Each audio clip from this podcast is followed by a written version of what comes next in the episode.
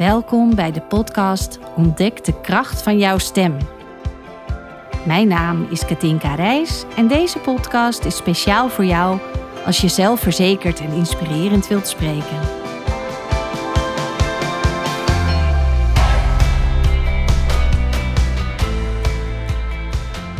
Welkom weer bij een nieuwe aflevering. En tegenover mij zit Katinka. En ja, we gaan een hele interessante aflevering opnemen.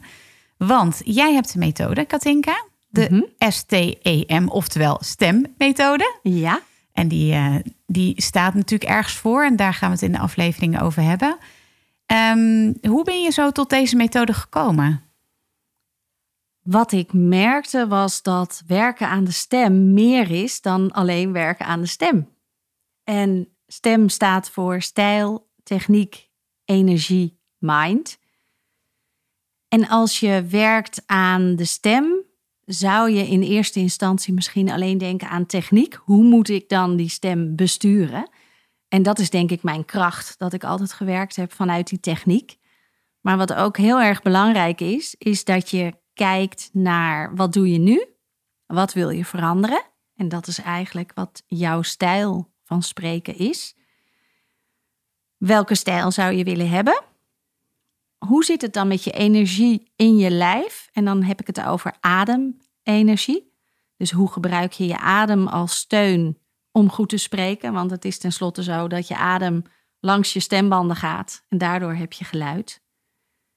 En de M, mind, is het stukje dat hoe jij denkt over jezelf, over je stem of over stem in het algemeen, heel erg bepaalt hoe je klinkt nu.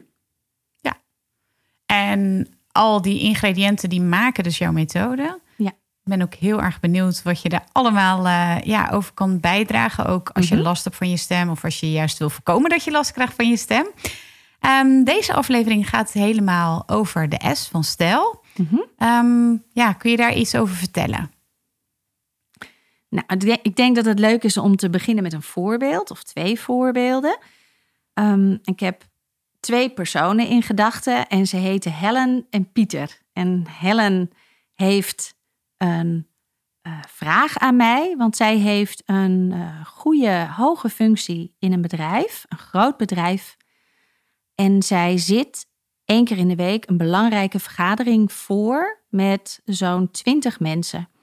En er zijn tien mensen op kantoor en tien mensen via bellen. Nou, dat zal nu allemaal via bellen zijn in deze periode. Dat kan natuurlijk ook. Maar waar het om gaat is dat zij ehm, vaak te horen krijgt dat ze snel spreekt en zacht. Dus ze is niet te verstaan. Zij praat inderdaad een beetje zacht en een beetje snel. En wat er wel eens gebeurde, vertelde ze aan mij, is dat ze een heel goed punt, belangrijk punt inbrengt en dat niemand reageert. De week erna komt er een collega met precies hetzelfde verhaal of hetzelfde idee en iedereen juicht het toe. Hoe kan dat? Hoe jammer! Ja. Als je dus, als het jouw idee is en, en letterlijk niemand heeft je gehoord omdat jij zo zacht en bescheiden spreekt. Nou, dat is het verhaal van Helen, waarbij we zijn gaan werken aan hoe kunnen we haar stijl nog zorgen dat die van haar blijft, maar wel dat ze verstaanbaar is, dat ze gehoord wordt, dat ze eh, ja, juist die, die mooie functie die ze heeft goed kan houden en dat iedereen haar op waarde schat. Ja. Dat met name. En Waar zat hem, hem dan precies in bij Helen? Wat voor ingrediënten in haar stem had zij waarvan jij aanhaakte van hé, hey, maar daar kunnen we nog aan sleutelen, zal ik maar Ja. zeggen. nou, zij, ehm, zij sprak heel erg snel en zacht. En wat jij net vroeg van waarom heb jij jouw methode ehm, zo genoemd, is dat het niet alleen maar is ik ga haar leren hoe ze hard kan praten. Hm. Want het moet ook matchen met haar als persoon. Dus wat ik heel belangrijk vind, en dat is ook leuk voor de mensen die hier naar luisteren, is om te kijken ehm, hoe denk jij dat je klinkt. En in de volgende aflevering gaan we het echt over die technieken uitgebreid hebben, hoe je stem licht of stevig kan klinken. Maar hoe klinkt jouw stem? En dan ook het stukje, wat, wat vind jij daarvan? En hoe was het bijvoorbeeld vroeger bij jou thuis, in je gezin, je familie, waar je vandaan komt? Hoe werd daar gepraat? En over stemmen gedacht of gesproken? En bij Helen was dat een mooi verhaal, dus ik vraag daar vaak naar. Ehm, je praat een beetje zacht. Ben je verlegen? Of was je verlegen? Nou, Helen zei: Ik was inderdaad als kind heel erg verlegen. En nu niet meer, maar die stem klinkt nog wel verlegen. Dus hij is niet meegegroeid met haar ontwikkeling. En hij is bescheiden. En toen zei ze: Ja, wij mochten niet hard praten thuis, want dat was onbeleefd. En er werd gewoon ook niet gesproken. Aan tafel, als we met elkaar aan het eten waren, werd er gegeten. Er werd niet gesproken met elkaar. En hard praten al helemaal niet. Dus zij had gewoon nog nooit hard gepraat. En dat hebben we ehm, uiteraard geoefend. En dan ook dat je comfortabel wordt met die andere stem. En dat je je eigen stem als comfortzone houdt. Dat is dan een stem waarvan je zou kunnen zeggen: die heb ik gewoon. En dat is een prima stem voor als ik thuis ben, of met mijn man, of met mijn kinderen of mijn vrienden. Maar ook daar wilden ze wel eens wat meer gehoord worden. En die stevige stem is dan een, een tweede stem die je erbij kan leren. Zodat je dus op je werk overkomt zoals je wil. Maar ook thuis dat er naar je geluisterd wordt. Ja, en dan hebben we Pieter. Dat is een heel ander uh, nou ja, geval. Nee, maar vertel eens over Ja, dat is eigenlijk de andere kant. Ik, ik heb het veel over de intensiteit van je stem. Licht, stevig en scherpe intensiteit. En licht en stevig zijn het meest herkenbaar voor iedereen. Ik denk dat je vaak of een wat te zachte stem hebt of een wat te harde stem. Als je in ieder geval bij mij komt van help mij verder te komen met mijn stem. Pieter gaf trainingen of geeft trainingen aan groepen, grote groepen soms ook. En is een overtuigend iemand met zelfs een Ehm, wat donker uiterlijk in de zin van donkere ogen en een donkere bril en donker haar. En eh, dat, dat zei hij zelf hoor. Van uh, ja, mijn uiterlijk speelt misschien ook niet mee. Dat komt al vrij hard over. En zijn stem was ook hard. En ik merk als ik over hem praat dat ik ook meteen een stevige, harde stem krijg. Hè? Ik hoor het. en ehm, Pieter zei: aan het eind van mijn training vraag ik mensen altijd: hebben jullie alles begrepen? Was alles duidelijk? Wie heeft er nog wat te vragen?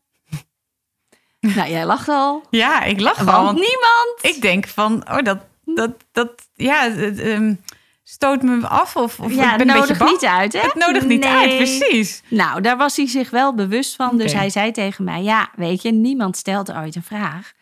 En hoe kan ik dat nou op een enthousiaste manier doen. Ik zie jou vaak in je filmpjes die ik uh, post of die op YouTube te, te zien zijn.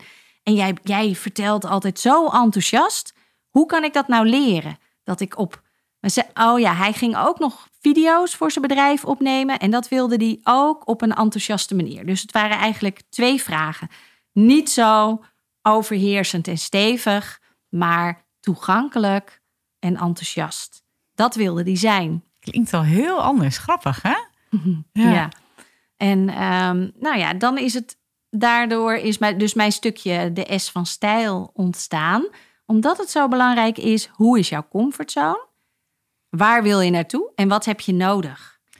Wat bedoel je precies met comfortzone? Ja, ik denk dat uh, de stem die je gewoon meestal hebt, waar men over het algemeen niet over nadenkt, dat is denk ik je comfortzone. Ah, ja. Hoe, die je thuis hebt en um, met je meest vertrouwde mensen om je heen? Heb je een bepaalde stem? Ik denk daar zelf eigenlijk ook niet zo over na.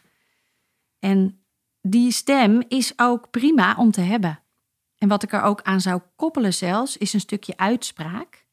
Ehm, ik heb bijvoorbeeld ook klanten die soms wat een uitspraak hebben waardoor je duidelijk hoort waar ze vandaan komen. Dus een bepaald dialect. Hmm. En Ehm, bijvoorbeeld uit Limburg. En die hebben mediatraining nodig, omdat ze overtuigend over willen komen over wat ze te brengen hebben. Maar als je dat doet op een lieve, zachte manier, zoals Hollanders misschien over het Limburgs praten. Nou, in ieder geval, dat zijn hun woorden hoor, niet mijn woorden. Maar het komt dan minder overtuigend over.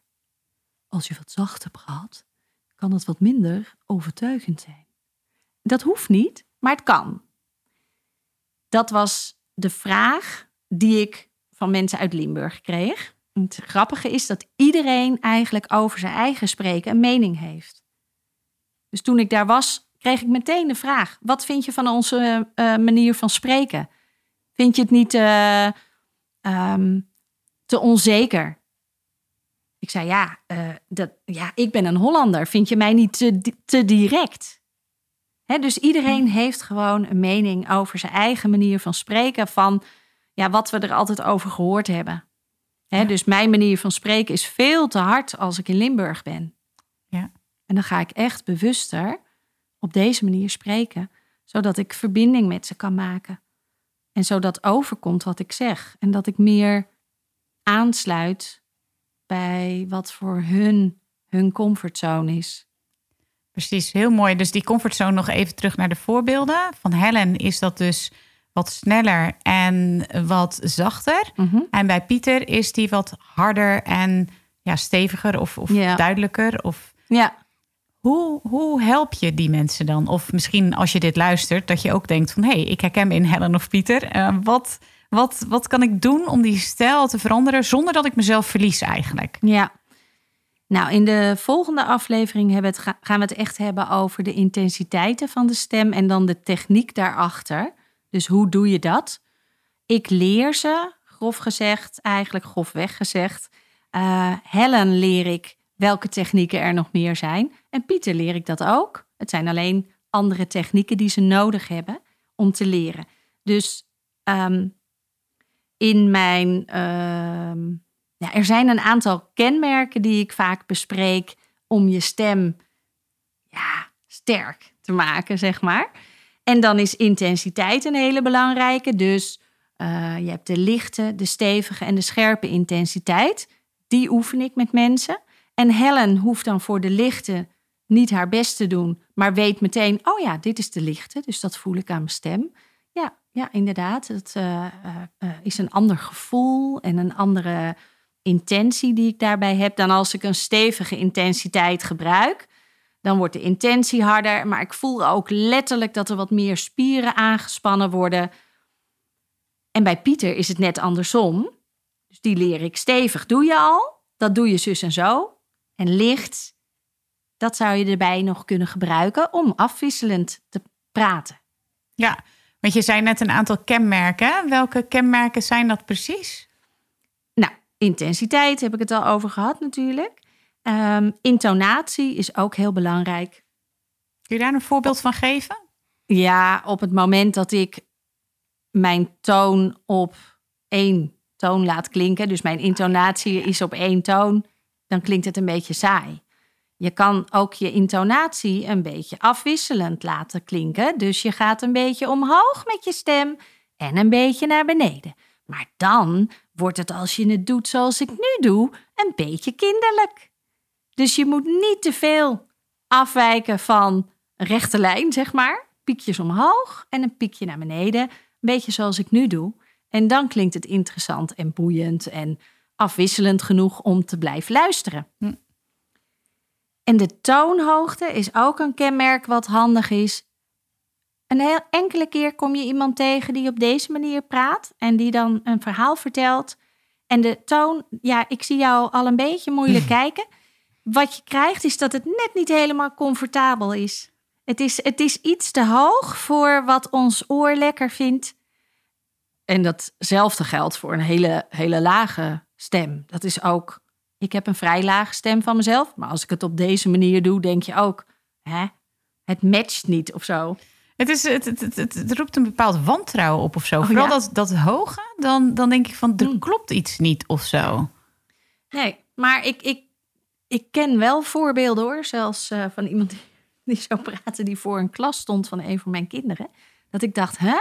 Afgezien van dat het een beetje hoog klinkt, is het ook niet zo belastbaar, je stem namelijk. Dus de kans dat je hiermee klachten krijgt als je de hele dag praat, dat is ook best groot. Ja.